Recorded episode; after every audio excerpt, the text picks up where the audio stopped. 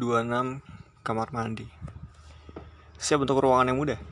Mari kita praktikkan strategi minimalisme yang sudah kita pelajari dan mempercantik kamar mandi kita. Ruangan ini biasanya berukuran paling kecil, dengan jumlah tempat penyimpanan paling sedikit dibandingkan dengan ruang tengah, kantor, dan dapur, sehingga merapikannya pun luar biasa mudah. Dengan sedikit saja usaha dan membentuk beberapa kebiasaan sederhana, kita bisa menggosok gigi sambil menikmati suasana ruangan yang menyejukkan jiwa. Di ruangan lain yang sudah kita rapikan, sering kali kita harus perinci tugas berbenah menjadi unit-unit yang lebih kecil. Untuk kamar mandi, strategi dibutuhkan agak berbeda. Mengingat ukuran kamar mandi yang relatif tidak besar, tugas kita pun lebih mudah dikelola. Dibandingkan ruangan lain, lantai, permukaan, dan luas semari atau laci di kamar mandi hanya sepersekian persen dengan fungsi yang jauh lebih terbatas. Akan tetapi, keterbatasan ini juga berarti kita harus lebih cermat dalam penataan dan penggunaan ruang. Tujuan kita bukanlah menentukan seberapa banyak barang yang bisa dimasukkan, melainkan seberapa sedikit yang sebetulnya kita butuhkan. Tujuan kita adalah untuk menciptakan suasana tentram seperti di ruang spa. Pertama, pejamkan mata dan bayangkan kamar mandi minimalis ideal menurut Anda. Bayangkan permukaan yang bersih dan rapi dengan hanya sekaleng semprotan rambut atau maskara. Lihat ke sekeliling dan nikmati lantai yang kosong, tidak ada handuk di sudut atau perlengkapan pribadi yang menyesaki bagian bawah stafel sekarang lihat permukaan-permukaan yang mengkilap dan produk-produk yang disimpan. Buka laci dan rok obat. Kagumi produk perawatan diri yang berjajar rapi, tak ada satupun barang yang melenceng dari tempatnya atau berdesakan hingga nyaris jatuh. Biarkan pandangan kita jatuh pada lilin yang apinya bergoyang-goyang atau sebatang anggrek yang menghias ruangan. Rasanya kita sanggup menghabiskan seharian penuh di ruangan yang begitu tenang dan damai ini. Sekarang mari kembali ke kenyataan. Atau yang lebih keren lagi, mari kita wujudkan bayangan itu. Tahap pertama, mulai dari awal sama seperti di ruangan lainnya, yaitu menggosokkan semua isi laci, mengosongkan semua isi laci, rak, dan lemari, bersihkan permukaan meja kamar mandi dari setiap barang yang ada di atasnya. Jangan lupa bak mandi atau area shower, angkat sabun, sampo, krim cukur, pisau cukur, dan nampan, bawa semuanya keluar dari dan sementara letakkan di tempat lain misalnya lantai ruang tidur atau meja makan, untuk dipertimbangkan. Berbenah menjadi lebih efektif setelah kita memindahkan semua barang dan tempat dari tempatnya dan memeriksanya dalam situasi baru. Kembalikan lagi satu persatu barang yang kita pilih sebagai barang yang dibutuhkan. Rapikan. Saat memilah barang dalam kategori buang, simpan, dan berikan, lakukanlah juga keseharian Anda di ruangan itu sambil berpura-pura menggosok gigi, simpan gigi, sikat gigi, pasta gigi, dan benang gigi di sisi simpan. Selanjutnya, buat gerakan mencuci muka dan tambahkan pembersih serta handuk wajah di sisi yang sama. Lakukan hal serupa untuk kegiatan mencukur, menyisir, dan kegiatan pribadi lain di kamar mandi sambil mengirim perlengkapan yang Anda butuhkan ke kategori simpan. Cara ini akan memperlihatkan produk apa saja yang persisnya Anda gunakan setiap hari, dan dengan demikian, dapat tetap tinggal di sana, serta produk yang tak digunakan. Mengetahui produk mana yang tidak berfungsi akan memancing diri kita bertanya, mengapa barang itu masih ada di rumah kita. Akan ada beberapa barang yang masuk ke kategori buang karena usianya, kosmetik yang tak sering digunakan, misalnya mungkin terlanjur lewat masa penggunaannya sebelum habis, meskipun produk seperti ini sangat jarang memiliki tanggal kadaluarsa, tetap ada masa simpannya. Cairan dan krim terutama yang digunakan di sekitar mata memiliki masa simpan 3 hingga 6 bulan. Sementara foundation tabur, concealer, blush, dan lipstick biasanya bertahan hingga satu tahun. Penyebab menurunnya kualitas produk adalah kelembapan yang membuat bakteri berkembang biak.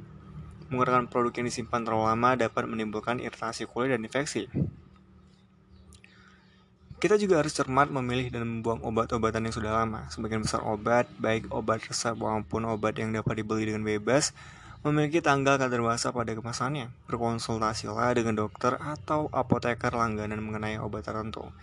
Ketika waktunya membuang obat-obatan itu, buanglah dengan bertanggung jawab. Jangan membuang sisa obat begitu saja ke tempat sampah, karena bisa termakan oleh anak-anak atau binatang atau menyiramnya ke toilet karena bisa mencemari air. Anda bisa mengembalikan obat ke apotek untuk pembuangan yang tepat. Alasan utama menyimpan barang di kamar mandi adalah untuk digunakan. Sebaliknya, alasan paling kuat untuk mengeluarkan barang dari kamar mandi adalah barang itu tidak dipakai. Saat memilah, sisakan barang yang tak pernah dipakai dalam enam bulan terakhir, kecuali memang ada alasan penting atau medis. Buang dan bebaskan ruang itu di, di lemari Anda. Jika barang itu punya masa berlaku, kemungkinan besar periode berlakunya pun sudah nyaris habis. Persediaan P3K mendapat pengecualian dalam proses ini. Barang-barang berkategori persediaan untuk keadaan darurat sangat boleh disimpan atas dasar berjaga-jaga atau kalau diperlukan. Pastikan kita memiliki persediaan P3K yang lengkap, termasuk perban, kain kasa, plester, krim antibiotik, alkohol, termometer, obat panas, penghilang nyeri, antihistamina, anti diare, obat mah, dan lainnya. Tidak apa-apa jika perlengkapan ini tidak digunakan dalam 6 bulan atau bahkan 6 tahun terakhir karena kita tak pernah tahu kapan dibutuhkan. Untuk obat-obatan tetap periksa tanggal berlaku dan ganti obat kadaluarsa dengan obat baru. Alasan kuat lain untuk mempertahankan suatu barang adalah barang itu sesuai dengan keperluan Anda. Terbayangkan, sampo penangkal rambut kusut, krim untuk kulit berkerut atau eyeshadow yang bisa menonjolkan iris mata Anda. Di sisi lain, alasan terbaik untuk membuang suatu barang adalah barang itu tak sesuai untuk Anda. Misalnya saja, krim pelembab yang justru menimbulkan iritasi. Hanya karena harganya mahal bukan berarti Anda harus menyimpannya atau memaksakan diri menggunakannya. Terakhir, mari pertimbangkan alasan yang lemah namun menjadi penyebab masuknya berbagai barang ke kamar mandi karena gratis. Barang dalam kategori ini termasuk semua sampel yang kita dapatkan melalui surat atau konter kecantikan di toko atau botol-botol sabun dan sampo ukuran mini yang kita bawa pulang dari hotel. Saya tahu kemasan kecil seperti itu begitu menggemaskan, tapi jika tidak digunakan, mereka menjadi tak lebih dari sampah yang lucu. Jangan bawa pulang barang-barang ini, kecuali Anda memang berniat memakainya. Guna menciptakan kamar mandi minimalis akan sangat membantu kita bisa memangkas jumlah produk yang kita gunakan untuk rutinitas kecantikan dan perawatan diri. Produk-produk khusus bisa membuat kamar mandi terlalu penuh dan memakan waktu untuk digunakan. Tanpa disadari, kita sudah mengikuti program 5 langkah pembersihan wajah, menggunakan tiga jenis krim anti penuaan atau memakai masker lumpur. Beberapa kali dalam sepekan kita mengerit, mengeriting dan meluruskan rambut, menggunakan mousse dan gel, menyisir, mengikat, atau menyisakannya. Kita berupaya menutupi kekurangan, membuat tulang pipi menonjol dan membuat bulu mata tampak lebih lentik. Wow. Kesibukan bersiap-siap di pagi hari sudah menjadi pekerjaan tersendiri. Teliti lagi rutinitas Anda. Pertimbangkan apakah dapat dikurangi. Saya percaya sekali Anda akan terlihat sama rupawannya hanya dengan separuh langkah perawatan dari yang Anda lakukan saat ini. Jika bisa mengurangi produk perawatan kulit menjadi hanya sebatas sabunan air, pembersih dan toner wajah tak lagi diperlukan. Jika ingin menua dengan anggun, silakan singkirkan krim krim untuk memudarkan keriput jika ingin menjaga agar hiasan dan potongan rambut tetap sederhana kita bisa membuang selaci penuh produk Kecantikan tak datang dari sebotol produk wajah, melainkan dari dalam diri kita. Alih-alih menumpukan produk-produk yang menjanjikan keajaiban, berinvestasilah pada upaya kecantikan alami seperti berolahraga, makan sehat, minum banyak air, dan tidur teratur. Untuk mengurangi jumlah barang lebih jauh lagi, pilih produk multiguna. Contoh produk yang bisa menjadi andalan adalah sampo, sekaligus pelembut rambut, pelembut bibir dengan warna, sabun sekaligus sampo, dan pelembab yang sudah mengandung tabir surya. Beberapa produk rumah tangga juga sebetulnya sangat efektif sebagai produk kecantikan. Soda kue misalnya bisa digunakan untuk eks eksfoliasi kulit, menggosok gigi, membersihkan tangan, merendam kaki, dan merawat rambut. Minyak zaitun bisa digunakan sebagai pelembab wajah, pelembab, pelembut rambut, perawatan kutikel kuku, dan pelembab bibir. Petroleum jelly bisa melembutkan kulit tangan, kaki, siku, dan lutut. Produk-produk serbaguna ini bisa membantu kita memperkecil isi lemari yang tadinya penuh dengan lotion dan produk campuran lain. Sekarang, bagaimana dengan handuk? Handuk bisa bertambah banyak berkali-kali lipat. Mengapa? Hal ini karena setiap kali membeli handuk baru, kita jarang sekali membuang yang lama. Handuk sangat berguna sehingga kita pun merasa tak ingin membuangnya. Handuk baru mendapat tempat kehormatan di rak. Handuk lama disimpan sebagai cadangan, alhasil kita pun memiliki lemari yang penuh handuk. Yang semakin lama semakin sesak, perhatikan isi kamar mandi dan pilih lagi handuk yang Anda simpan di lemari atau di mana pun. Lalu buat inventory. Berapa banyak handuk yang ada. Berapa banyak orang di rumah, jika jumlah handuk jauh melebihi jumlah penghuni rumah, jelas kita harus mengeluarkan sebagian.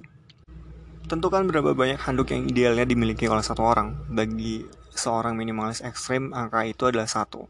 Tapi saya rasa sebagian besar orang lebih nyaman dengan dua handuk. Dengan memiliki dua handuk, kita tak perlu panik saat handuk pertama sedang dicuci, sekaligus sebagai cadangan untuk tamu. Selain itu, batasi handuk Anda dengan cara cukup memiliki handuk berukuran besar. Handuk mandi memiliki fungsi yang sama persis dengan handuk tangan, handuk wajah, dan handuk kecil lainnya. Semakin sedikit handuk yang harus disimpan, dicuci, dan dipantau kondisinya semakin baik. Terakhir, karena kamar mandi adalah tempat yang kecil namun fungsional, hindari godaan mengisi kamar mandi dengan aksesoris, kecuali lilin dan vas bunga kecil. Selain keduanya, barang-barang dekoratif harus dijaga sedikit mungkin karena bisa terkena air kotoran atau menghalangi kita beraktivitas. Tanpa barang hiasan, kita tak perlu khawatir menyenggol sesuatu ketika sedang mengeringkan rambut. Untuk bahan bacaan, bawa masuk kemudian bawa lagi ke luar setelah selesai. Kamar mandi bukan perpustakaan. Simpan. Ruang di kamar mandi biasanya tidak terlalu luas sehingga tempat penyimpanan pun terbatas. Oleh karena itu, setiap barang harus memiliki tempat sendiri dan tetap berada di sana, seperti prajurit yang dijajarkan dan siap bertempur bukan kapal pecah. Atur barang ketiga kategori penyimpanan inner circle, outer circle, dan deep storage. Inner circle untuk sebagian besar barang utama yang digunakan setiap hari di kamar mandi seperti sikat gigi, pasta gigi, benang gigi, sabun wajah, pelembab, tabir surya, kosmetik, kuas kosmetik, sisir, pisau cukur, krem cukur, pembersih telinga, kapas, lap, dan handuk yang sering dipakai. Tentunya barang-barang ini harus mudah dijangkau agar proses perawatan diri berlangsung efisien. Barang-barang yang tidak digunakan setiap hari berada di penyimpanan kategori outer circle, seperti pengeriting rambut, pencukur bulu hidung, P3K, jepit rambut, serta handuk dan perlengkapan pribadi cadangan. Untuk barang-barang yang dibeli dalam jumlah banyak sekaligus seperti sabun atau tisu toilet atau jika Anda kekurangan tempat penyimpanan, gunakan deep storage. Sambil memilih dan memilah Kumpulkan barang sejenis ke dalam ruang-ruang. Perhatikan dan cermati isi setiap ruang. Kemungkinan besar Anda akan menemukan barang-barang yang sama, misalnya sisir, pencabut alis, atau gunting kuku yang lebih dari satu.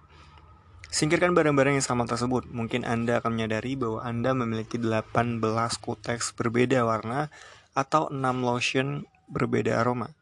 Ketika dikumpulkan, barulah terlihat berlebihan. Periksa lagi berapa banyak yang Anda butuhkan dan pilih yang paling Anda sukai. Setelah selesai memilih isi kamar mandi, gunakan wadah-wadah penyimpanan untuk menjaga barang-barang tetap pada tempatnya. Simpan semua kosmetik di satu tas dan aksesoris rambut seperti berbagai macam jepit di tas lain.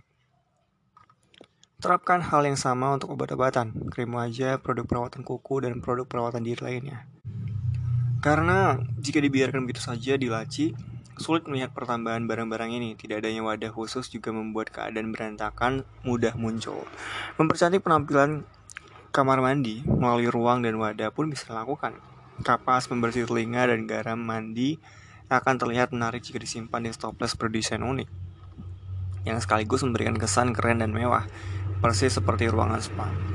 Apabila kamar mandi Anda digunakan oleh keluarga, tentukan laci untuk setiap anggota. Dengan begitu, setiap orang akan memiliki ruang sendiri. Cara ini mencegah perlengkapan pribadi satu orang bercampur dengan milik orang lain, juga tidak menimbulkan kesan berantakan. Selain itu, strategi ini juga memberi setiap orang ruang khusus untuk barang-barangnya. Hanya untuk barang-barang miliknya, jika jumlah produk rambut milik anak atau pasangan Anda melebihi wadahnya, keduanya harus menyimpan kelebihan barang itu di tempat lain tentunya. Apabila ruangan penyimpanan terbatas, Anda bisa memasang gantungan untuk menggantungkan tas perlengkapan mandi milik masing-masing anggota keluarga. Tanya memastikan permukaan di kamar mandi rapi. Cara ini juga menjamin semua orang bertanggung jawab atas barangnya sendiri. Saat menerapkan batas di kamar mandi, angka ajaib yang menjadi pegangan kita adalah satu. Untuk bisa menciptakan lemari lemari minimal sejati, batasi perlengkapan Anda menjadi hanya satu untuk setiap produk satu sampo, satu conditioner, satu pembersih, satu toner, satu pelembab, satu parfum, satu aftershave, satu lotion tubuh atau satu pasta gigi, satu lipstick, satu eyeshadow, satu mascara, satu blue, satu kutex dan seterusnya.